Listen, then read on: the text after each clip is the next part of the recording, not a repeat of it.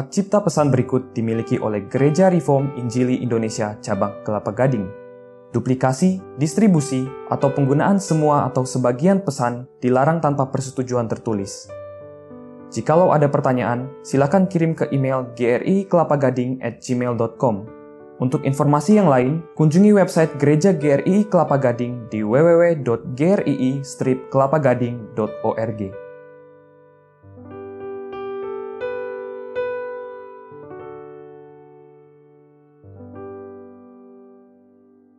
Mari kita melanjutkan pembahasan dari Yohanes pasal yang ke-6.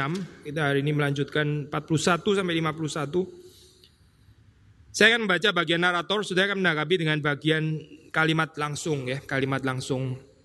Maka bersungut-sungutlah orang Yahudi tentang dia karena ia telah mengatakan, akulah roti yang telah turun dari sorga. Kata mereka, bukankah ini Yesus anak Yusuf yang ibu bapaknya kita kenal? Bagaimana ia dapat berkata, aku telah turun dari sorga? Jawab Yesus kepada mereka, jangan kamu bersungut-sungut. Tidak ada seorang pun yang dapat datang kepadaku jika ia tidak ditarik oleh Bapa yang mengutus aku dan ia akan kubangkitkan pada akhir zaman. Ada tertulis dalam kitab nabi-nabi dan mereka semua akan diajar oleh Allah. Dan setiap orang yang telah mendengar dan menerima pengajaran dari Bapa datang kepadaku. Hal itu tidak berarti bahwa ada orang yang telah melihat Bapa. Hanya dia yang datang dari Allah, dialah yang telah melihat Bapa. Aku berkata kepadamu, sesungguhnya barang siapa percaya, ia mempunyai hidup yang kekal. Akulah roti hidup, nenek moyangmu telah makan mana di padang gurun dan mereka telah mati. Inilah roti yang turun dari sorga, barang siapa makan daripadanya ia tidak akan mati. Akulah roti hidup yang telah turun dari sorga. Jikalau seorang makan dari roti ini, ia akan hidup selama-lamanya. Dan roti yang kuberikan itu ialah dagingku yang akan kuberikan untuk hidup dunia. Mari kita berdoa, kita berdoa untuk diri kita masing-masing. Saudara mendoakan orang di sebelah kanan, di kiri, di depan, di belakang saudara dan juga saudara berdoa untuk saya supaya Tuhan menopang. Mari kita buka suara. Bapak di dalam surga pada pagi hari ini kami bersyukur sekali lagi kami bisa datang beribadah kepada Tuhan, kami bisa melayani Engkau puji-pujian, kami bisa berdoa dan sekarang kami bisa mendengarkan firman Tuhan. Kami mohon supaya kami boleh mendengar suara Tuhan sesuai dengan janjimu, dengan perkataanmu yang mengatakan bahwa sesungguhnya domba-domba itu mengenal suara gembalan. Engkaulah gembala kami Tuhan dan berikanlah kepada kami kepekaan supaya kami boleh mendengar suara Tuhan karena kami adalah domba-domba yang menjadi milik Tuhan. Tuhan menopang hambamu bisa menjadi saluran berkat yang tidak mengaburkan kemuliaan Tuhan, yang tidak mendistraksi orang untuk melihat engkau, tapi menyembunyikan di balik kemuliaan Tuhan, di balik keindahan firman Tuhan. Kami berdoa supaya Engkau memberkati seluruh jemaat, menguduskan dengan firman-Mu. Rohmu yang kudus boleh bekerja dengan leluasa di tengah-tengah kami. Demi Yesus Kristus kami berdoa. Amin. Sudah ini pembagian kalau sudah membaca ya ayat 41 sampai 51 memang ada banyak terjemahan ya, arguably ini menggunakan pemenggalan ini pemenggalan yang tepat ya. Memang kalau sudah melihat di situ di dalam LAI dipenggal lagi di 44, dipenggal lagi di 48 ya, tapi kita bisa melihat langsung 41 sampai 51 itu menjadi satu kesatuan. Ada sedikit perdebatan di dalam 51C itu whether itu belongs to sebelumnya atau sesudahnya gitu. Tapi kalau kita mengikuti LAI atau ESV yang menginclude ini di dalam bagian sebelumnya gitu. Kata itu juga bisa menjadi klimaks gitu 51C ya, tapi kita belum sampai di sana. Kita masuk dulu di dalam ayat yang pertama yaitu 41. Di situ gambaran yang digambarkan adalah respons orang-orang Yahudi yang bersungut-sungut, bersungut-sungut. Kita sudah pernah mengatakan sudah waktu waktu Yesus melakukan mujizat lima roti dua ikan mengenyangkan lima ribu orang itu seperti satu reenactment, satu pengulangan apa yang terjadi di dalam peristiwa padang gurun yang dicatat oleh Exodus keluaran. Ya. Orang Israel diberikan mana, lalu kemudian Yesus di situ mengenyangkan mereka juga dengan roti mana, ya. Dan mereka secara tepat lagi bisa mengaitkan itu juga. Mereka mengutip, sudah mengutip tradisi Exodus kalau sudah membaca, meskipun kita sudah menjelaskan bahwa agaknya mereka hanya mengutip tanpa mengerti konteks yang ada di sana ya, teologi mana itu. Kita sudah bahas di dalam minggu sebelumnya. Dan bahkan kalau saudara melihat di dalam catatan ini bersungut-sungut pun ya, ini ketajaman Yohanes mencatat ya, supaya meyakinkan kita betul-betul ada paralel dengan peristiwa Exodus. Itu pun juga sudah dicatat di dalam keluaran. Orang Israel bersungut-sungut di padang gurun. Di sini mereka bersungut-sungut. Ya. Persis sekali saya di dalam keadaan ini seperti deja vu ya, seperti gambaran kok begini lagi ya, persis sekali mengulangi apa yang negatif bahkan yang terjadi dulu di dalam kitab keluaran yang sudah dicatat yang seharusnya menjadi peringatan untuk mereka tapi agaknya mereka betul-betul seperti ini almost like self apa ini fulfilling ini ya eh, cerita gitu. Betul-betul mereka menghidupkan lagi termasuk sampai negatif-negatifnya pun diulangi lagi. Orang Yahudi bersungut-sungut. Yohanes yang mencatat bagian ini dengan sangat peka untuk memaralelkan ini loh ini bukan sesuatu yang baru Bersungut-sungut itu terjadi dulu. Sekarang ter, pada saat itu terjadi nanti di zaman-zaman kita juga tetap terjadi dan sampai Tuhan akan datang kembali masih terjadi juga saya orang bersungut-sungut. Apa sih saya bersungut-sungut? Istilah yang kita nggak pernah pakai ya saya jarang di dalam bahasa Indonesia. Ya. Saudara kalau jalan sama orang, kamu jangan bersungut-sungut itu. Apa sih? Saya kalau dari Jawa bersungut-sungut itu maksudnya apa? Keluar sungut gitu atau apa ya kayak kecoa atau apa sih maksudnya bersungut-sungut itu? Itu istilah tinggi sekali saya gitu bersungut-sungut. Kalau Pak bahasa-bahasa Inggris pakai istilah grumbling ya, grumble. Gak terlalu menolong juga saya, grumble. Saya baru cek thesaurus, grumble, thesaurus apa keluarnya komplain. Saya kurang setuju saya. Memang grumble mirip sekali dengan komplain ya. Tapi komplain kalau sudah lihat di dalam tradisi Alkitab itu masih diberikan tempat mengeluh ya, mengeluh di dalam pengertian meratap ya, karena kita meresponi suffering dengan keluhan, sigh dengan apa itu? Keluhan ya, sigh. Um, dengan ratapan ya kejujuran bahwa kita merasa sakit itu nggak harus sesuatu yang negatif saya bahkan bisa menjadi pembentukan yang penting di dalam kehidupan manusia tapi sungut-sungut bukan itu saya Sungut-sungut itu bukan ratapan di hadapan Tuhan, bukan. Sungut-sungut itu adalah diwarnai dengan perasaan tidak puas terhadap kehidupan ini. Perasaan menuntut, saya persis seperti yang terjadi di dalam di dalam zaman lampau ya. Orang Israel itu nggak puas dengan mana yang diberikan oleh Tuhan.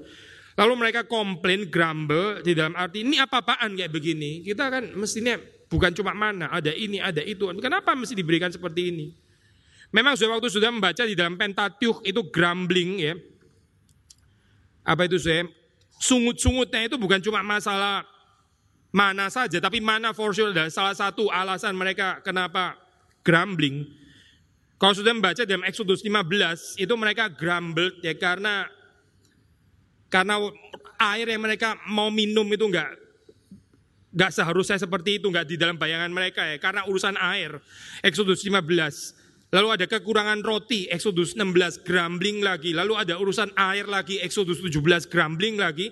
Mereka mengeluh kenapa di desert, kenapa di padang gurun ini begitu sulit hidupnya, ada hardship dan sebagainya. Itu di dalam bilangan 11 mereka grumbling lagi. Lalu mereka melihat ada kesulitan untuk menempati tanah perjanjian bilangan 14 grumbling lagi. Dan yang terakhir ini saya yang kita mau pakai hari ini adalah mereka grumbling karena mana? Mari kita membaca dari bilangan 11 ya. Bilangan 11, 4 sampai 6. Bersungut-sungut karena mana ya. Kita belum bahas bagian ini dalam pertemuan-pertemuan yang sebelumnya, tapi kita mau coba untuk melihat dari perspektif perjanjian lama ini. Karena perjanjian lama bisa menolong kita untuk lebih mengerti perjanjian baru, demikian juga sebaliknya. Saya membaca saya, bilangan 11 ayat 4 sampai 6. Orang-orang bajingan yang ada di antara mereka kemasukan nafsu rakus. Dan orang Israel pun menangislah pula serta berkata, Siapakah yang akan memberi kita makan daging? Kita teringat kepada ikan yang kita makan di Mesir dengan tidak bayar apa-apa. Kepada mentimun dan semangka, bawang prei, bawang merah, bawang putih, Mirip orang Indonesia, saya banyak bawangnya di sini. Tetapi sekarang kita kurus kering, tidak ada sesuatu apa pun kecuali mana ini saja yang kita lihat. Alkitab mengatakan mereka kemasukan nafsu rakus, mengingat Mesir, ada daging, ada ikan, ada bawang dan sebagainya. Makan bukan cuma urusan selera, saya ternyata kalau menurut Alkitab ya. Waktu mereka refer to makanan Mesir itu berarti connected with the Mesir, ya, the land of Egypt. Mereka harusnya ke promised land. Mereka lebih prefer ke land of Egypt, ya, tanah yang ada di Mesir. Daripada mereka mengikuti Yahweh, mengenal Yahweh, mereka lebih suka di Mesir dengan dewa-dewanya. Ya, jadi makanan Mesir, tanah Mesir, dewa-dewa yang ada di Mesir. Itulah yang menghancurkan iman mereka. Ini konteks yang penting, kalau kita mau mempelajari Yohanes pasal yang ke-6. Mereka bersungut-sungut. Sekarang dewannya ganti, saya. Dewannya bukan dewa Mesir memang. Dewannya perut mereka sendiri itu. Kita sudah pernah katakan kan ya, mereka mencari Yesus, ya Yesus bilang, kamu datang mencari aku, bukan karena kamu melihat tanda, tapi karena kamu kenyang. Balik lagi sama saya dikuasai oleh gelaten ini ya. Dosa kerakusan yang akhirnya membuat mereka nggak bisa melihat perkara rohani. Karena itu mereka bersungut-sungut. Di situ mereka bersungut-sungut. Ada perbedaan juga. So, kalau sudah membedakan Exodus dengan Yohanes. Kalau di dalam Exodus atau tadi ya, ini bukan Exodus ya, memang tadi numeri apa itu saya bilangan gitu ya. Maksudnya masih pentatiuh ya. Di dalam bilangan dicatat mereka bersungut-sungut karena cuma mana, nggak ada bawang ini, nggak ada bawang itu, nggak ada nggak ada macam-macam gitu, nggak ada ikan, gratis lagi ikannya. Ini mana begitu kan ya, cuma mana dan sebagainya. Mereka mereka nggak bisa mencukupkan diri dengan apa yang Tuhan sediakan. Gitu. Lalu mereka dikuasai oleh kerakusan dan keserakahan. Karena itu mereka bersungut-sungut. Tapi kalau di sini menarik, Zue, mereka nggak nggak ada problem dengan mereka rotinya nggak enak lah. Kenapa nggak ada daging? Nggak ada. Justru mereka kenyang dikatakan gitu. Ironis ya saudara di sini ya. Jadi mereka kurang bersungut-sungut. Sekarang kenyang, kenyang pun juga bersungut-sungut gitu. Tapi kalau sudah perhatikan bersungut-sungutnya memang bukan karena rotinya nggak enak atau kenapa kok nggak ada ikannya dan sebagainya nggak ada isinya dan seterusnya. Bukan saya, tapi karena apa saya? Alkitab mencatat karena Yesus telah mengatakan akulah roti yang telah turun dari sorga. Itu tuh sumber sungut-sungutnya mereka ada di sana. Sekali lagi ya, bukan karena urusan rotinya, bahkan ya, to certain extent kita bisa bilang mereka juga Sebetulnya nggak terlalu kesulitan dengan Yesus mengatakan dia roti. Boleh aja saya pakai penjelasan metaforik kayak begini ya. Ilustrasi seperti Yesus dikatakan gembala, Yesus dikatakan terang ya. Mungkin masih bisa diterima. Yesus roti, oh, oke memang kita juga kenyang juga. Dia betul-betul mengenyangkan kita begitu kan ya. Kalau Yesus bilang saya roti nggak ada persoalan mungkin dengan itu ya. Tapi mereka tersandung bersungut-sungut waktu Yesus mengatakan akulah roti yang telah turun dari sorga. Dari dulu saya sampai sekarang persoalan itu adalah orang nggak bisa menerima misteri inkarnasi. Nggak ada yang baru di sini. Akulah roti yang turun dari sorga. Kalau di dalam Exodus ya, mereka tahu mana itu memang turun dari sorga begitu ya, nggak ada kesulitan. Tapi kesulitan mereka adalah kenapa cuma mana, kenapa nggak ada bawang, nggak ada ikan dan sebagainya. Kenapa saya mesti diet kayak begini nih kenapa gitu. Masih mana terus dan sebagainya. Mereka kesulitan. Ternyata nggak ada kesulitan dengan konsep mana turun dari memang turun dari sorga begitu kan ya, melalui tangan Musa. Gitu. Tapi di sini saya, mereka mungkin nggak terlalu kesulitan dengan roti nih, karena mereka kenyang, gitu. mereka dipuaskan, kenyang.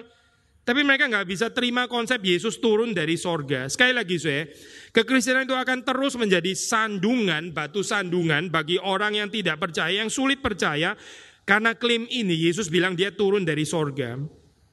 Maka mereka bilang, loh dia ini kan Yesus toh yang kita kenal dari dulu, dari kecil kita sudah tahu kita tetangganya.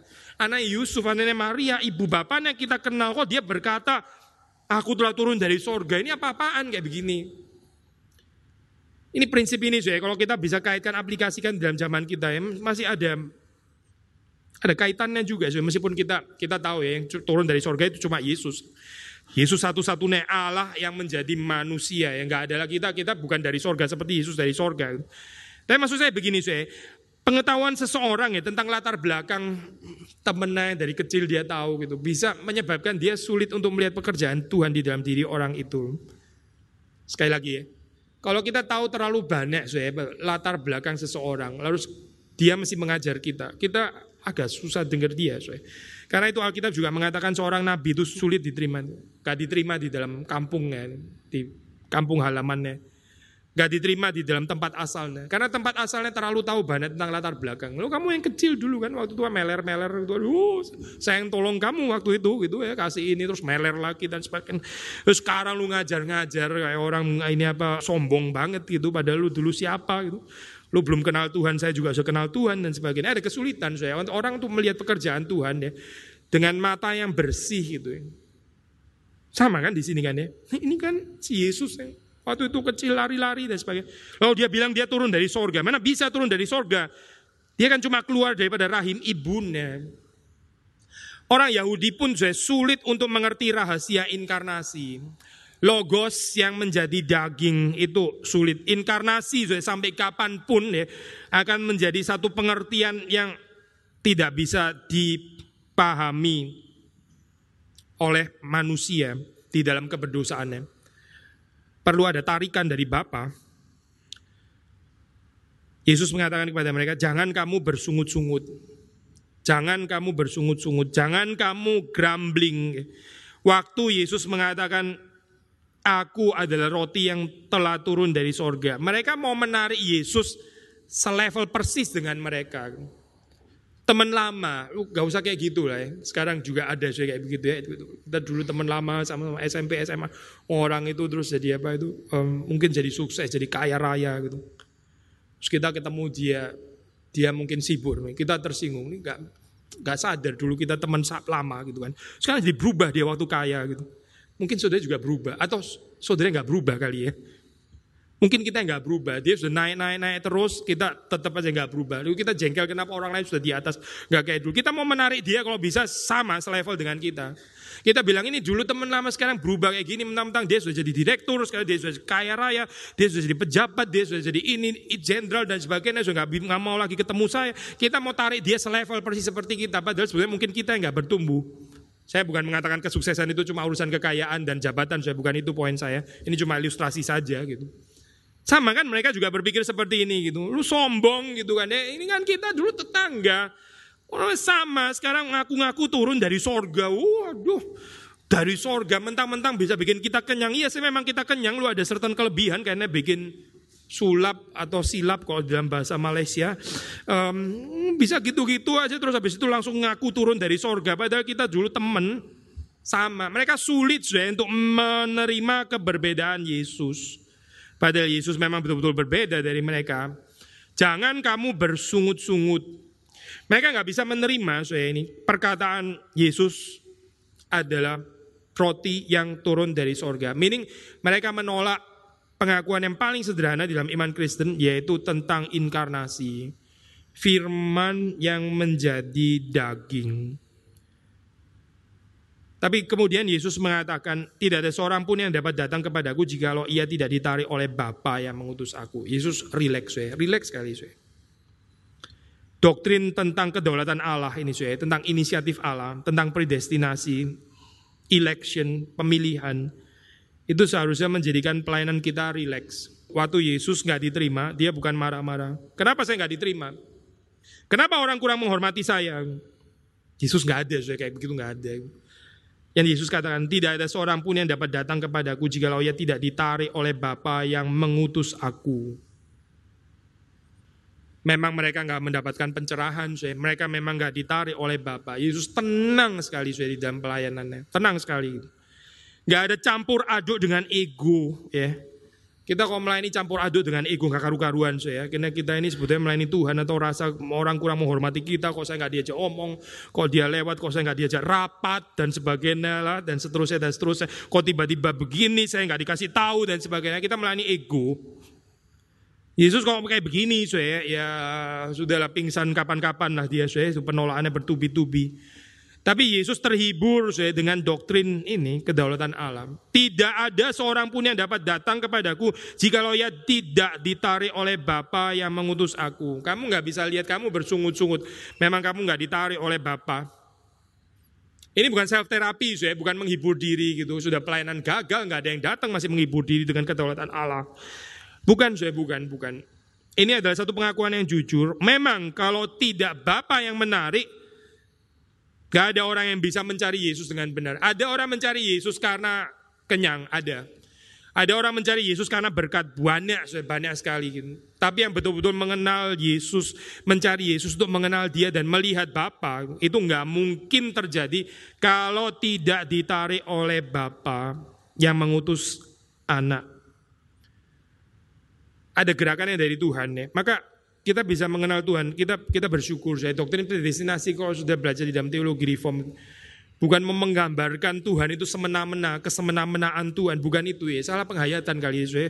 Kalau orang apa mengarahkan ke sana gitu. Akhirnya memberikan satu gambaran picture Tuhan yang kejam gitu. Sebenarnya waktu ditekankan kalimat seperti ini apa sih maksudnya? Kita mesti bersyukur kalau kita bisa mencari Tuhan dengan motivasi yang benar, yaitu karena Bapa menarik kita. Jadi semua kemuliaan mesti kembali kepada Bapa. Itu bukan karena sudah lebih hebat, bukan. Bukan karena sudah lebih tajam, IQ lebih tinggi dan sebagainya, lebih lebih rindu, lebih punya kehausan, lebih punya kelaparan dan sebagainya gitu ya. Bukan karena karena Bapa menarik.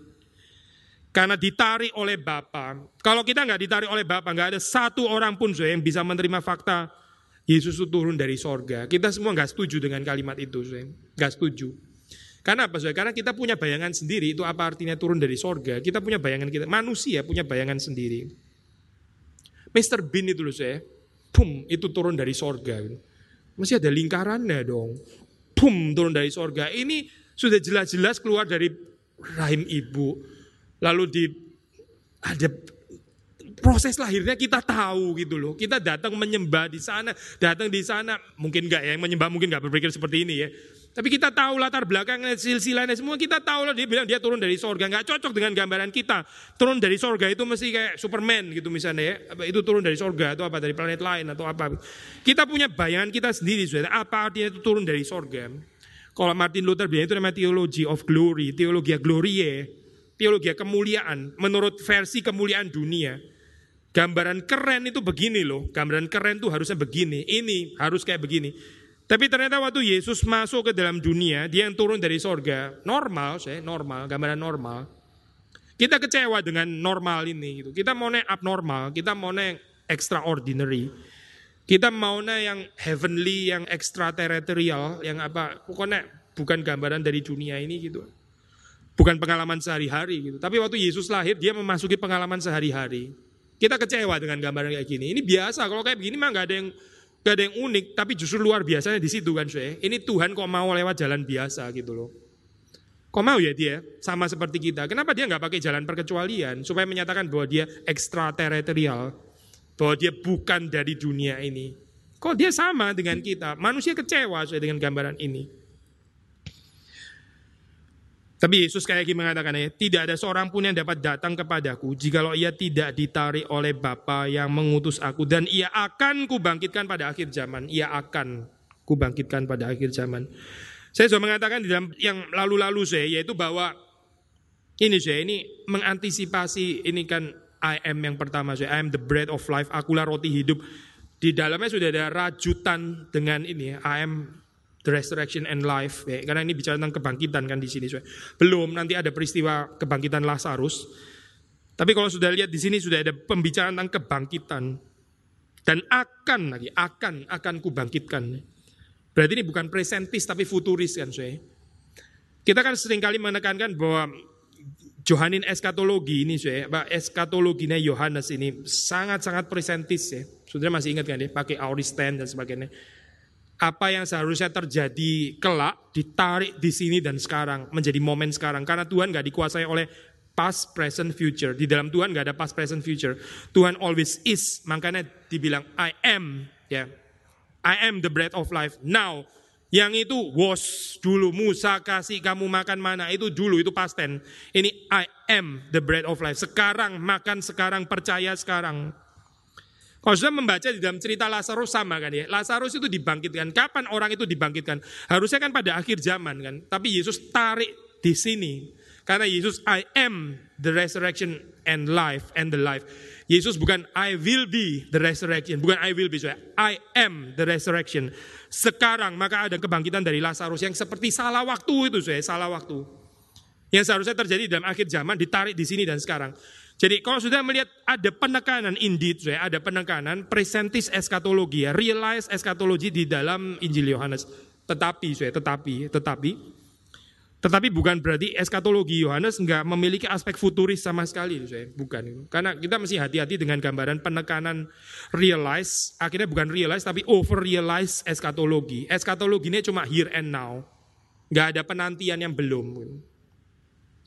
Di dalam Alkitab, saya, gambaran yang disajikan di dalam keadaan Korintus misalnya kalau sudah baca ya, itu seperti itu. Saya. Jadi mereka itu punya karunia, saudara. Saudara boleh bandingkan itu apa daftar karunia Korintus dibandingkan sama Efesus, dibandingkan sama Roma, ya dibandingkan sama surat-surat yang lain tulis Paulus. Saudara mendapat mungkin deh, saya mesti cek juga sekali lagi saya. Tapi kalau saya nggak salah ingat, yang paling panjang itu memang Korintus ya. Korintus paling lengkap saya karunianya. Dari A sampai Z dia mereka punya semua. Lalu dalam keadaan seperti ini, seperti living supernaturally, ya, mereka merasa ya ini sudah kingdom of God kayak begini. Demikian rupa ya, over realize eskatologi sampai mereka nggak percaya kebangkitan. Bukan nggak percaya kebangkitan di dalam pengertian gimana mereka percaya kebangkitan sudah terjadi maksudnya. Sampai akhirnya Paulus ada isu tentang kebangkitan. Kalau kamu nggak percaya kebangkitan ya, kamu pikir kamu sudah bangkit, iman kamu sia-sia. Itu pasal 15 kan, ada isu tentang kebangkitan. Sebagian daripada kamu nggak percaya kebangkitan. Kenapa bisa nggak percaya kebangkitan? Saya orang Kristen kok nggak percaya kebangkitan? Mereka percaya kebangkitan sudah terjadi, ini sudah kerajaan Allah, mau tunggu apa lagi? Kita setiap hari hidup di dalam pengalaman supernatural kayak begini, mau apa lagi? Datanglah kerajaanmu, sudah datang, sudah gak usah doa lagi kalimat itu. Gitu. Overrealize eskatologi ini di dalam kitab Korintus, di dalam surat Korintus, di dalam jemaat Korintus, mengakibatkan mereka nggak ada penantian lagi. Akhirnya mereka nggak sadar ada ada kelemahan dosa yang begitu akut, mereka nggak bisa lihat. Paulus bilang, di antara kamu ada orang yang tidur ya, berzina dengan ibu tirinya. And you talking tentang living in the kingdom of God. Lu lihatlah keadaan kayak begitu. Bahaya saya, orang kalau menghidupi over realize eskatologi, saya, nggak ada aspek akan, nggak ada aspek yang akan datang, ya nanti kita akan buta terhadap kelemahan kita. Kita jadi nggak realistis dengan kehidupan yang penuh kekurangan ini. Gitu. Kalau di dalam pernikahan juga bisa, so, di dalam kehidupan keluarga, menghidupi semacam over realize eskatologi. Itu orang-orang yang selalu kecewa dengan pasangannya. Ya kan memang belum di sorga, so, ya. Orang yang terus kecewa sama suaminya, orang yang terus kecewa sama istrinya. Mungkin saya menghidupi over realize eskatologi. Kalau kita nggak menghidupi over realize eskatologi ya ini memang manusia berdosa atau apa yang baru gitu loh. So, ya. Memang saya menikah dengan orang berdosa, saya sendiri juga berdosa. Jadi kalau istri saya, suami saya punya kelemahan, ya memang kita masih di dunia toh, memang masih akan toh. Tapi kalau orang menghidupi overrealize eskatologi, dia sulit saya menerima kelemahan. Waktu dia ke gereja, dia juga gereja kok kayak begini, begitu kan ya, overrealize eskatologi lagi. Saya. Gereja kok kayak begini sih? Saya nggak harap loh gereja kayak begini, sini orang-orang seperti ini. Karena dia penekanan here and now, di sini, sekarang, we should thrive, human flourish gitu ya. Terus masih ada achievement dan sebagainya. Akhirnya kita menutup mata terhadap ini. Kelemahan-kelemahan kekurangan. Kita nggak suka bicara itu. Karena apa? Soalnya kan overrealize eskatologi. Mungkin nggak literally ya, nggak secara harafiah mengatakan saya penganut overrealize eskatologi. Mungkin nggak, mungkin dia sendiri juga nggak sadar. Hati-hati terhadap penekanan yang memberikan ruang terhadap akan ya dan ia akan kubangkitkan dia akan kukuduskan, dia akan kusempurnakan. Akan, akan, saya akan, akan, semuanya akan. Kalau kita ada tempat untuk akan, ya kita nggak gampang bersungut-sungut.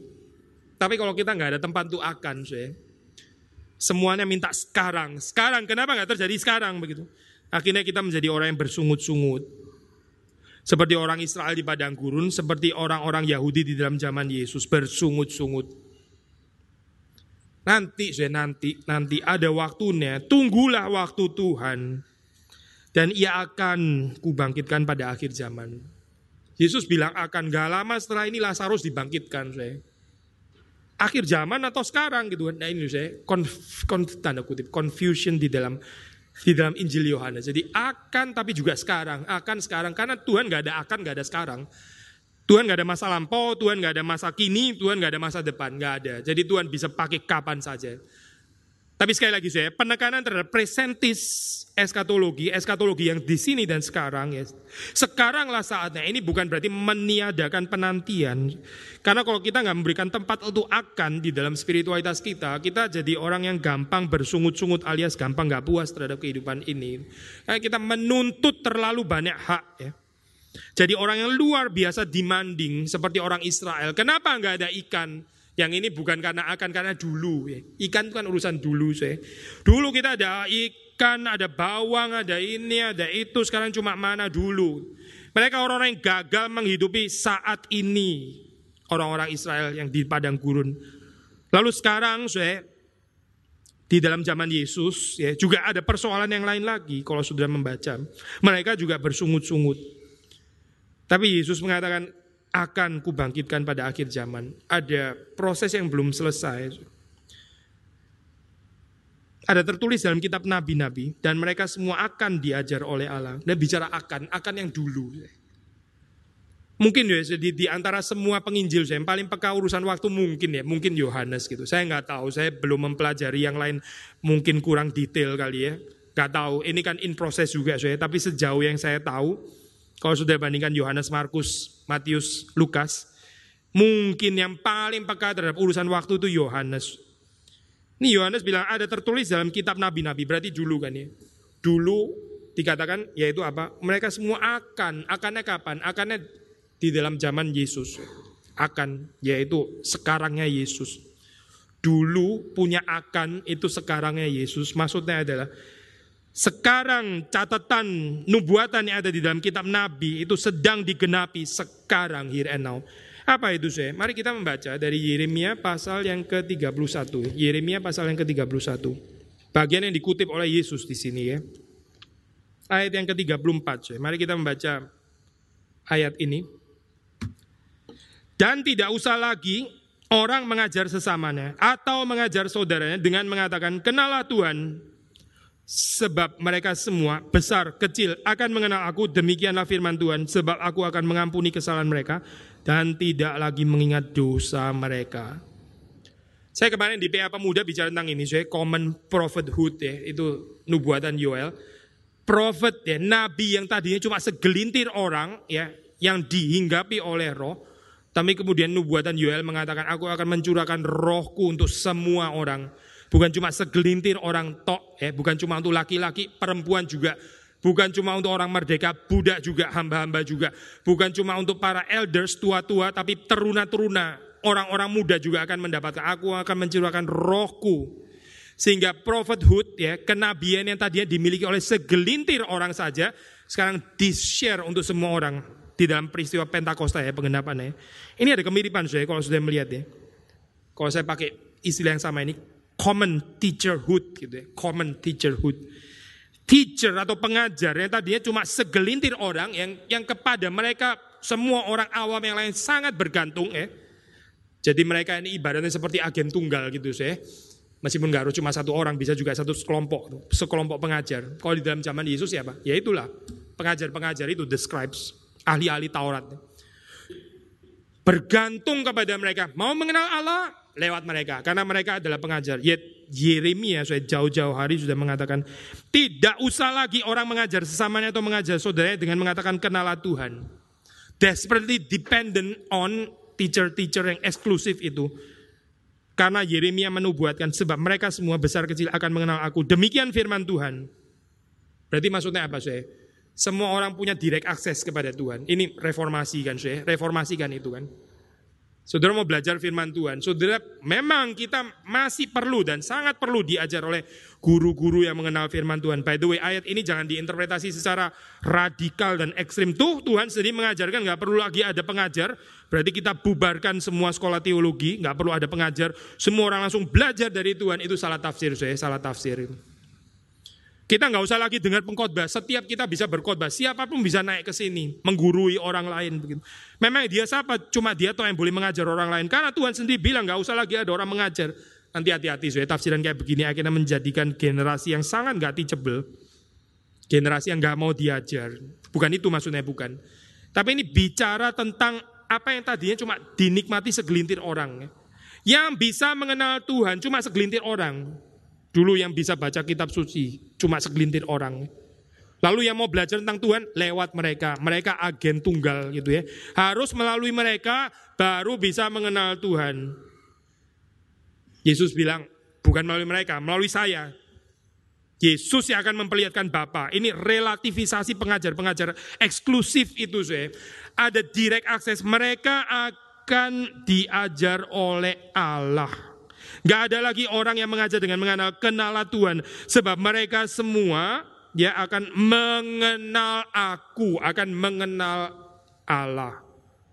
Jadi dari segelintir orang, teacher, lalu terus ke mana, semua itu adalah bisa menjadi pengajar dengan belajar langsung dari Tuhan. Sekali lagi ya, bukan berarti meniadakan fungsi pengajar, bukan gitu. Tapi di dalam pengertian tidak ada lagi kebergantungan kepada certain group elit orang itu ya. Yang kita nggak pokoknya nggak bisa kenal Allah aja, kita nggak bisa kenal firman Tuhan aja kok nggak melalui mereka. Itu dibubarkan oleh Yesus. Sudah dinubuatkan oleh Yeremia. Maka saya balik lagi kepada ini ya, Injil Yohanes. Ada tertulis dalam kitab nabi-nabi mereka semua akan diajar oleh Allah. Dan setiap orang yang telah mendengar dan menerima pengajaran dari Bapa datang kepadaku. Datang kepadaku, Yesus bilang. Bukan those scribes itu yang merasa agen tunggal, pengajar. Makanya waktu Yesus datang di dalam dunia, Yesus dibenci sekali. Karena Yesus merelativisasi ini sih grup elit itu dibikin kayak ah, Gak harus melalui mereka gitu. Langsung bisa belajar kepada Allah. Makanya saya reformasi juga sangat menjengkelkan. Tadi ini kan ada agen tunggal, nah, saya. mesti melalui siapa. Ini ada posisinya sendiri. Tapi sejak reformasi setiap orang bisa membaca firman Tuhan. Saudara boleh cek, reformasi ini spirit liar, spirit heretik, atau spirit yang setia dengan dengan yang diajarkan oleh Yesus. Saudara timbang sendiri aja gitu. Yang mana yang lebih sesuai dengan Alkitab? Memang nggak bisa dipungkiri, saya. Dengan sejak adanya reformasi terjadi penafsiran yang liar. Itu ekses, saya. Di mana-mana ada ekses, di mana-mana ada side effect yang negatif, nggak bisa dihindari, saya. Tapi Martin Luther dan kawan-kawan nggak bertanggung jawab dengan ekses itu, tidak, saya. Waktu sudah diberikan kebebasan, selalu ada resiko. Bahkan Tuhan pun juga mengambil resiko ini kan. Waktu dia menciptakan Adam, diberikan kemungkinan untuk berbuat dosa kan. Bukan diarahkan untuk berbuat dosa ya, diberikan kemungkinan untuk melawan Tuhan. Dan betul-betul melawan Tuhan kan akhirnya kan. Ini kan side effect excess itu. Lalu Tuhan yang suruh tanggung jawab. Ya tidaklah sudah. Tidak, itu kan dia yang harus tanggung jawab. Di dalam freedom itu ada tanggung jawab gitu. Orang kalau nggak mengerti ini ya sudah tahunya cuma freedom, freedom, freedom. Kita ada freedom menafsir Alkitab, tapi hati-hati sudah ada keliaran bisa terjadi liar. Memang bisa. Sekarang setiap orang punya Alkitab bisa baca sendiri, bisa tafsir ini. Ternyata tafsirnya ngawur, bisa, sudah bisa memang. Lalu apakah karena itu Wycliffe jadi salah, Luther jadi salah karena dia menerjemahkan Alkitab. Mestinya sudah betul, nggak usah diterjemahkan, biar agen tunggal itu saja yang, mener, yang menjelaskan kepada kita. Yeremia 31 nggak bilang itu, sih. itu melawan Yeremia 31. Itu juga melawan penggenapan yang terjadi dalam kehidupan Kristus. Ada tertulis dalam kitab nabi-nabi mereka semua akan diajar oleh Allah, bukan manusia, diajar oleh Allah, ada direct access. Dan setiap orang yang telah mendengar dan menerima pengajaran dari Bapa datang kepadaku, datang kepada Yesus, diajar oleh Kristus. Bagaimana supaya kita belajar untuk menghargai kebebasan ini? Kemungkinan direct access. Sekali lagi ya, bukan dengan meniadakan pengajar-pengajar yang diberkati Tuhan itu. Bukan, kita tetap humbly belajar daripada mereka. Tapi jangan bergantung kepada mereka sampai seolah-olah kita nggak punya direct access kepada Tuhan. Ayub saya mengatakan, dulu saya dengar tentang engkau dari perkataan orang lain.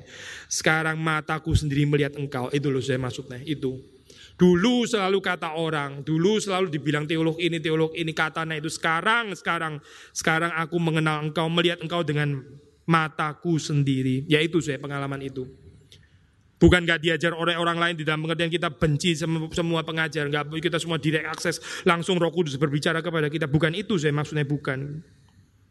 Tapi Yesus membuka ini, membuka, merelativisasi jalan yang tadinya sempit cuma cuma sebagian orang saja sekarang diperluas. Silakan datang kepada Yesus Kristus. Setiap orang yang mendengar, menerima pengajaran dari Bapa datang kepadaku. Tapi ini nggak berarti bahwa setiap orang telah melihat Bapa ya. Karena tetap bagaimanapun saja, Yesus tuh dia satu-satunya yang melihat Bapa. Dan yang bisa menyatakan Bapa kepada manusia itu Yesus. Jesus is the true prophet. Dialah prophet yang sesungguhnya. Yang seluruh nabi di perjanjian lama itu sudah menunjuk kepada Yesus. Sang nabi. Dia bukan cuma imam besar. Kita juga bisa mengatakan dia adalah nabi yang terbesar. Karena dia yang paling jelas melihat Bapa, yang paling intimate bersama dengan Bapa, yang bisa menyatakan Bapa kepada manusia. Gak ada satu nabi pun berani mengatakan barang siapa melihat aku dia melihat Bapa. Gak ada, saya. Gak ada nabi yang perfect seperti itu, gak ada. Tapi Yesus berani mengatakan yang melihat aku melihat Bapa. Berarti Yesus ini merepresentasikan the Father itu perfectly, betul-betul sempurna. Sampai dia bisa mengatakan melihat aku sama dengan melihat Bapa. Bukan Yesus sama dengan Bapa, saya bukan gitu. Tapi kehidupan Bapa yang sepenuhnya ada di dalam kehidupan Kristus. Mengenal Allah, saya mengenal Allah melalui mengenal Kristus. Karena Kristuslah yang melihat Bapa, sang anak yang melihat Bapa. Hanya dia yang datang dari Allah, dialah yang telah melihat Bapa. Yaitu sang anak yang datang dari sorga, datang dari Allah, datang dari Bapa. Dialah yang telah melihat Bapa. Sekarang sang anak itu menyatakannya kepada kita, kepada manusia.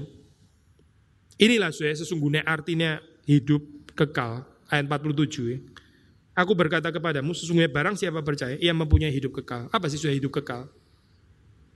Hidup kekal ya. Kalau sudah tafsir keluar konteks sudah itu loh eternal life kan bahasa Inggrisnya eternal, eternal. Sekarang banyak teolog nggak setuju dengan istilah eternal soalnya karena istilah eternal kekal di dalam pengertian eternal dalam bahasa Inggris ada perbedaan antara eternal sama everlasting ya. Sudah tahu ya eternal everlasting. Everlasting itu lasting terus gitu maksudnya terus lama-lamanya. Istilah selama-lamanya ever. Kalau kekal itu kan sama eternal. Eternal itu ada sedikit bau Greek ya apa Yunani gitu sudah pernah nonton di film ya, film-film itu apa dewa-dewa itu kalau sudah mau eternalize ya, dia terus tek tek tek terus nggak bisa gerak lagi terus jadi patung, gitu kan saya? Betul nggak? Kayaknya saudara kurang nonton film karena mukanya nggak ada tanggapan. Nontonlah film saya supaya tahu ada pergumulan dunia apa begitu loh. Jangan cuma saudara lihat apa sih dalam kehidupan cari uang terus kali ya itu cari uang terus nanti saudara berakhir di Singapura kayak mendukung diakonia kepada dokter-dokter di sana karena terlalu terlalu sibuk cari uang. Oh, nggak belajar-belajar ya orang. Ini loh saya ada dimensi yang lain di dalam kehidupan. Salah satunya nonton film gitu. Lalu terus coba lihat dengan critically. Nah, kalau sudah lihat itu ya Pak, ada cerita-cerita dewa Yunani. Mereka itu eternalize, tadinya mereka kan bisa gini, gini, oh punya kuasa dan sebagainya. Patung berhenti itu. Itu namanya eternalize. Bahasa Indonesia juga ada saya, mengabadikan. Sudah tahu istilah ini kan? Apa sih itu saya? Foto, mengabadikan. Sudah gerak-gerak kemudian cepret, langsung gambarnya gini kan. Patung like gitu, statue like ya. Saudara langsung eternalize gitu.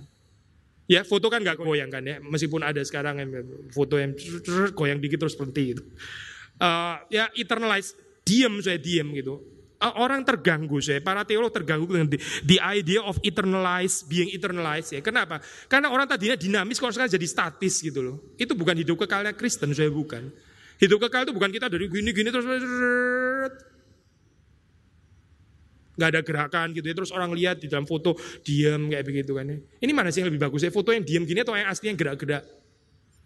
Yang gerak-gerak bisa mati loh, ini gini terus loh. Ya memang sih itu gitu terus, itu mungkin gitu terus gitu. Ya. Tapi gitu terus tapi nggak gerak gitu loh. Jadi itu bad concept sudah tentang kekal. Kekal itu bukan itu, bukan seperti patung karena nggak ada gerakan, nggak ada becoming, nggak ada proses. Konsep beingnya Greek itu saya kayak statue, kayak apa? Patung gitu loh, eternal. Kita nggak suka sudah dengan konsep seperti itu. Kita nggak suka kenapa? Karena Alkitab nggak mengajarkan seperti itu. Yesus nggak bilang, datanglah kepadaku maka engkau akan memperoleh hidup kekal. Gak ada so itu, gak ada. Ini bukan ini pengajarannya. Setelah itu akan diem, gak bergerak. Enggak, bukan, bukan itu hidup kekal. Mungkin better term adalah everlasting ya. Everlasting itu selama-lamanya. Tapi nanti itu sudah selama-lamanya. Apa maksudnya? Jadi makin panjang makin ini gitu, makin bagus gitu. Saya barusan ini saya menguburkan apa papa mertua saya dia itu kenal Tuhan baru dua tahun lalu, saya dua tahun lalu. Cuma dikasih waktu dua tahun. Dan matinya umur 66 saya, relatif muda ya. Mama saya bukan mama mertua, mama saya kandung meninggal umur 56 saya, lebih muda lagi. Tapi relatif saya, hidup panjang, hidup pendek, relatif gitu. Apakah hidup kekal, hidup everlasting maksudnya yang sepanjang pandangnya seperti kayak kaisar apa Jin Huang ya kepingin apa itu saya hidup kekal everlasting akhirnya minum apa itu sih air raksa ya goblok banget dokternya um, disuruh minum air raksa ini some magical obat atau apa air raksa itu ya, logam berat kayak begitu rusak semua akhirnya hidup lebih pendek lagi saya gitu karena kepingin hidup kekal Jin Sehuang sudah baca ya cerita itu itu Apakah hidup kekal akhirnya makin lama makin panjang? Eh, bukan, saya. Alkitab nggak ngomong itu, saya. Saudara hidup panjang nggak mati-mati mau apa gitu? Artinya hidup itu pun sendiri bukan itu sebetulnya. Apalagi bicara tentang hidup kekal juga bukan itu gitu. Hidup sendiri artinya bukan itu. Bukan panjang itu bukan saya. Hidup kalau di sini yaitu mengenal Allah. Kalau sudah baca bagian ini. Hidup itu artinya mengenal Bapa melalui mengenal anak. Yesus bilang, marilah dan lihatlah. Murid-murid tanya, di mana engkau tinggal? Yesus bilang, marilah dan lihatlah. Yesus mengajak orang untuk melihat dirinya sendiri. Itu melihat Bapa, melihat Yesus, melihat Bapa. Ini namanya hidup kekal. Saya. Papa mertua saya itu cuma dua tahun saya, tapi tapi orang menyaksikan saya bukan bilang gini karena saya mantune, saya bukan gitu. Tapi orang lain juga bisa konfirmasi. Di dalam dua tahun terakhir itu dia betul-betul eagerly mengejar pengenalan akan Allah. Terus ya, terus.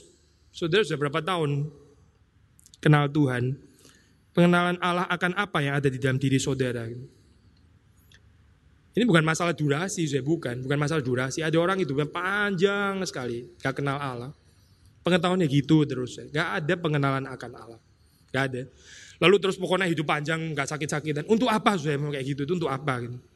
Lebih baik orang yang dua tahun, dua tahun intensive course itu lebih baik, lebih baik. Sayang dia cuma dua tahun terakhir, tapi ini dalam kedaulatan Tuhan, dalam bijaksana Tuhan kita nggak bisa ngomong saya. Sebagai manusia kita kepingin alangkah indahnya kalau dari kecil, dari muda dia mengenal Tuhan. Ada orang kenal Tuhan itu very very late saya, sangat sangat sangat sangat telat itu, seperti telat sekali. Tapi timing kan ada di dalam timing Tuhan. Sekali lagi ya, Yesus mengatakan tidak ada orang yang datang kepadaku jika tidak ditarik oleh Bapa. Ada momennya, ada kairosnya. Tapi setelah kita mendapatkan kairos itu lalu kemudian kita mengisi bagaimana waktu yang yang kita sudah miliki. Bukan dengan ya pokoknya saya waktu masih panjang, masih ada waktu lagi. Kan hidup panjang, kan saya masih sehat dan sebagainya. Hidup bukan tentang masalah sehat atau sakit, sudah bukan. Bukan. Hidup itu tentang masalah saudara mengenal Tuhan atau tidak. Itu hidup saya. Orang sehat tapi nggak mengenal Tuhan, mau apa saya? Dia kayak orang mati sebetulnya. Kalau menurut definisi Kristus, hidup kekal ada kaitannya dengan melihat Kristus, melihat Bapa. Itu hidup saya, hidup yang kekal. Ya. Nanti di dalam bagian lain kita akan masuk lagi ayat yang lebih jelas lagi mengatakan apa itu hidup kekal. Hidup kekal yaitu artinya mengenal Engkau, mengenal Bapa dan mengenal mengenal Bapa dan mengenal yang diutus oleh Bapa. Itu artinya hidup kekal menurut definisi Injil Yohanes. Sekali lagi saya, bukan apakah saudara hidupnya panjang, pendek, dan bukan, bukan, bukan. Tapi apakah kita mengenal dan berrelasi dengan Bapa. Akulah roti hidup nenek moyangmu telah makan mana di padang gurun dan mereka telah mati. Mereka mati, itu roti itu mati. Mereka mati ini double meaning. Yohanes suka pakai double meaning. Mati, mati juga termasuk di dalam pengertian rohani. Kenapa? Saya? Karena mereka nggak mengenal Allah. Tuhan menyediakan makanan, mereka mesti melihat Tuhan yang menyediakan, Tuhan yang memelihara, Tuhan yang begitu baik. Mereka nggak melihat the goodness of God. Mereka rasa kurang. Kenapa nggak seperti di Mesir? Ini penghinaan luar biasa loh saya. Bukan cuma urusan makanan saya, karena ini yang diserang sebetulnya bukan cuma masalah mana ya. Pertama yang diserang ya Oke, pertama memang mana? Kok cuma mana? Begitu nggak ada ikan, nggak ada ini. Kenapa kayak begini? Lalu Musa, Musa juga kena, Musa juga diserang. Akhirnya yang diserang juga Tuhan. Kenapa Tuhan cuma kasih mana di dalam kehidupan saya? Saya terusin ya, nggak kayak dewa-dewa Mesir yang kasih saya ikan, bawang dan sebagainya. Dewa-dewa Mesir kasih saya kecukupan kelimpahan. Yahweh kasih saya cuma mana. Itu namanya bersungut-sungut. Maka mereka Mesir, Mesir, Mesir, Mesir, oh Mesir dan dewa-dewanya yang memberikan kita ikan dan berbagai macam variasi bawang. Tapi Yahweh, Tuhan, katanya Tuhan yang asli, kasihnya cuma mana, mana, mana. Mereka bersungut-sungut, saya nggak bisa puas dengan kehidupan. Orang yang terus komplain seperti ini, saya adalah orang-orang yang tidak percaya sebetulnya kalau menurut Yesus. Mereka nggak bisa melihat the goodness of life. Mereka nggak bisa melihat the goodness of God, nggak bisa. Saya yang, mereka lihat adalah kurang dan selalu kurang. Saya ini a complainer par excellence, complainer. Saya terus komplain apa pun keadaannya. Yesus bilang, nenek moyangmu, ya, your fathers, ya. Yesus bilang, my father, your fathers, makan mana di padang gurun. Mereka mati, ya. Yang nggak percaya di sini sekarang, ya. Nenek moyangmu yang nggak percaya, bukan Abraham, Ishak, Yakub ya maksudnya. Ya. Karena Abraham, Ishak, Yakub hidup kok sebetulnya bukan mati itu. Tapi karena mereka tidak mau mengenal Allah, akhirnya mereka mati. Tapi inilah roti yang turun dari sorga. Barang siapa makan daripadanya, ia tidak akan mati. Akan hidup Sekali lagi saya, apa artinya hidup? Mengenal Kristus dan mengenal Allah. Akulah roti hidup yang telah turun dari sorga. Jikalau seorang makan dari roti ini, ia akan hidup selama-lamanya. Everlasting life. Dan roti yang kuberikan itu ialah dagingku yang akan kuberikan untuk hidup dunia. Ini ayat terakhir, 51C ini ya. Banyak terjadi perdebatan ya. Di, memang ini bahasa eucharistik ya, bahasa perjamuan kudus betul sekali. Itu di dalam hal ini konsensus semua scholars ya atau dikata, boleh dikatakan hampir semua scholars ini 51C yang terakhir ini. Tapi ini kemudian ditafsir dagingku, ya terus ditafsir misalnya di dalam pandangan transubstansiasi. Itu loh waktu kita berjamuan kudus, itu roti itu betul-betul daging. Daging Kristus kita makan, kan Yesus yang bilang seperti itu. Roti yang kuberikan adalah dagingku, berarti roti itu sama dengan daging, lalu kita makan daging Kristus. Ini kan berarti pengertiannya harafiah, pengertian jasmani. Lah, saudara baca konteks ini loh saya. Justru mereka nggak mengerti karena mereka berpikirnya harafiah dan jasmani ya kan.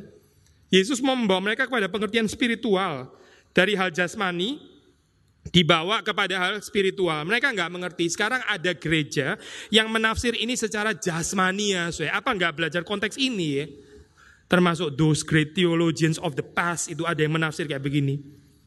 Ini bukan carnal eating. So, Calvin mengatakan ini bukan carnal eating. It's about spiritual eating. Bukan carnal eating. Karena ini dimengerti secara rohani. Sudah baca tulisan Agustinus pun Agustinus mengatakan seperti itu. Saya bukan tentang carnal eating, ini spiritual eating maksudnya gitu. Tapi kenapa pakai istilah daging sih saya? Kenapa daging? Kalau kita nggak mau mengikuti tafsiran transubstansiasi bukan berarti roti berubah menjadi daging Kristus. Lalu kenapa di sini dikatakan daging? Sudah jangan lupa secara motif ya istilah daging. Injil Yohanes itu menunjuk kepada sekali lagi inkarnasi. Firman menjadi daging. Firman itu menjadi daging. Maksudnya Allah itu betul-betul menjadi manusia. Di sini keluar lagi kata daging. Yesus merefer to inkarnasi.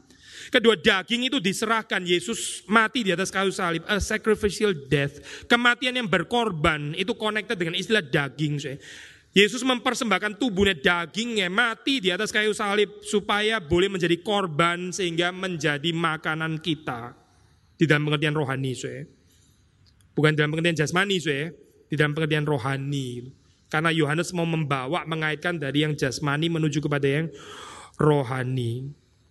Saya pernah ini kan saya kutip itu bahkan apa ini saya apa kaitan antara makan makan dan minum ya. Menurut teologi Sofia dari Amsal, ya sudah masih ingat kan dikaitkan dengan pengenalan. Kalau kita baca dalam Amsal, saya sudah akan mendapati di situ ajakan ke pesta, minumlah ya, anggur yang kucampur nih, racikan ang, Ya, yang saya bilang kalau sudah pergi ke UC Berkeley, di situ ada library pakai ayat itu, saya ayat itu ayat yang dari Amsal dan dikaitkan dengan apa saya? Dengan knowledge, kan library knowledge kan ya. Makan is about knowledge. Bahkan UC Berkeley yang mungkin sudah sangat sekuler, itu pun ngerti saya poin ini. Orang Kristen nggak ngerti keterlaluan sekulernya, saya. keterlaluan sekulernya. Makan tuh bukan cuma masalah makan, saya. Ini bukan cuma masalah apa yang saya makan. Ini kok bisa ya ada wagyu kayak begini? Ini harganya berapa ya harus saya gitu? Sudah di mana ya supermarket? Ini dapat dari mana? Impor.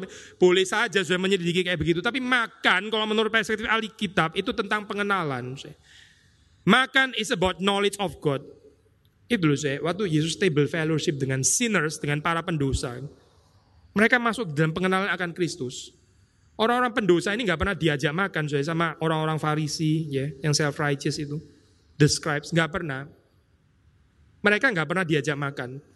Mereka tahu mereka nggak selevel dengan orang-orang itu. Kita ini pelacur, kita ini adalah orang-orang pezina, kita ini adalah pemungut cukai, kita ini orang-orang berdosa, kita cuma perempuan, kita anak kecil dan sebagainya. Kita nggak diajak makan sama mereka.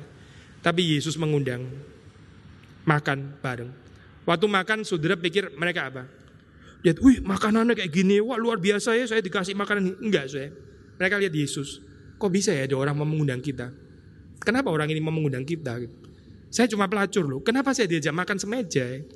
Yang dilihat waktu mereka makan table fellowship dengan Yesus itu adalah Yesus, bukan makanan saya, bukan.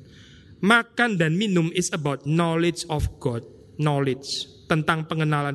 Istilah bahasa Inggris kurang bagus ya, knowledge. Ntar dipikir pengetahuan lagi ya. Makanya UC Berkeley kaitan sama library. Oke okay lah knowledge pengetahuan bisa juga knowledge pengetahuan. Tapi yang dimaksud di dalam Alkitab sebenarnya pengenalan. Dan pengenalan itu nggak mungkin tanpa pribadi. It's not just about scientific knowledge, bukan. Ini tentang personal knowledge. Yang tahu sendiri adalah a person, yang diketahui juga a person. Ya. Yesus itu a person, satu pribadi.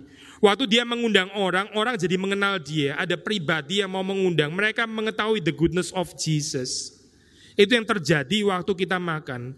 Waktu kita makan disconnected dengan knowledge, waktu kita makan disconnected dengan pengenalan akan Tuhan, itu namanya kerakusan kalau istilah Alkitab. Sekali lagi saya, Makan nggak ada hubungannya dengan knowledge of God. That is kerakusan. Ya ini loh orang-orang ini kan. Kamu datang bukan karena tanda yang menunjuk aku. Aku adalah roti hidup. Kamu datang bukan karena itu. Kamu datang karena kenyang. Mereka makan kan, saya makan dan kenyang kan, kenyang. Tapi apa saya disconnected with the knowledge of God. Disconnected. Yesus bilang, ya itu kerakusan itu. Persis seperti yang dibilang di dalam bilangannya. Nafsu kerakusan menguasai mereka sampai mereka nggak bisa melihat Tuhan yang memelihara dengan menyediakan mana yang sebetulnya cukup. Mereka nggak mau masuk ke dalam this kind of knowledge of God. Nggak mau saya. Mereka pikir ini mananya kurang. Mereka memperhatikan makanannya. Kenapa saya cuma makan kayak begini toh? Kenapa saya mesti disiksa dengan diet yang seperti ini? Mereka nggak mau masuk kepada pengenalan akan Tuhan melalui makan. Saya. Makan itu bukan urusan sederhana saya di dalam Alkitab. Ini bukan cuma tentang, tentang selera atau urusan diet, jaga figur supaya kesehatan itu terlalu low. Saya pandangan kayak begitu tentang makanan. Menurut biblical perspective terlalu low. Saya. Makanan kalau menurut Alkitab itu ada kaitannya sekali lagi saya dengan knowledge dan terutama knowledge of God. Saudara boleh tambahin termasuk juga knowledge of others. Waktu saudara makan ya, Saudara sedang mengenal orang yang dengannya saudara makan. Paling sedikit. Lalu sebisa mungkin juga membawa kita kepada pengenalan akan Allah. Tuhan yang memelihara kehidupan saudara. Saudara bisa makan. Itu dari tangan Tuhan. So better know your God better waktu kita makan. Bukan know the food better, know your God better waktu makan. Makan ini sarana untuk membawa kita mengenal Tuhan. Ada saat-saat kita susah makan, saya. Kadang-kadang orang sakit susah makan, solid food nggak bisa makan. Sama saya, better know your God di dalam keadaan seperti itu. Know your God. Know bahwa manusia tidak hidup dari roti saja.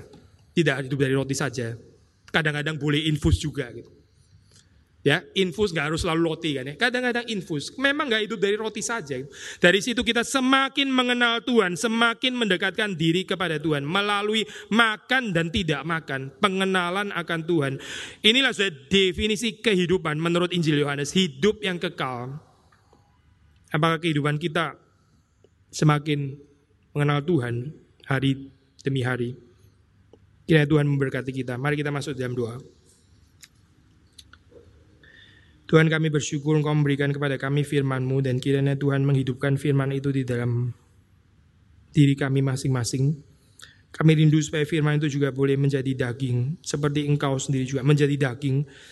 Tolong supaya kehidupan kami ini juga gerak-gerik tubuh kami, semua bodily movement yang ada dalam kehidupan kami mencerminkan kehidupan jiwa yang percaya dan mengenal Engkau. Berkati Tuhan jemaatmu, kami adalah tubuh Kristus ini, kami adalah bagian daripada dirimu sendiri. Tolong supaya kami bisa berfungsi sebagaimana Tuhan mengendakinya. Terima kasih sudah memberikan kepada kami pengenalan akan Engkau. Kami boleh melihat Bapa melalui Engkau. Dan Tuhan yang terus mengubah jemaatmu ke dalam pengenalan yang hari demi hari semakin dalam. Semakin melihat Engkau. Terima kasih Tuhan, demi Yesus Kristus kami berdoa. Amin.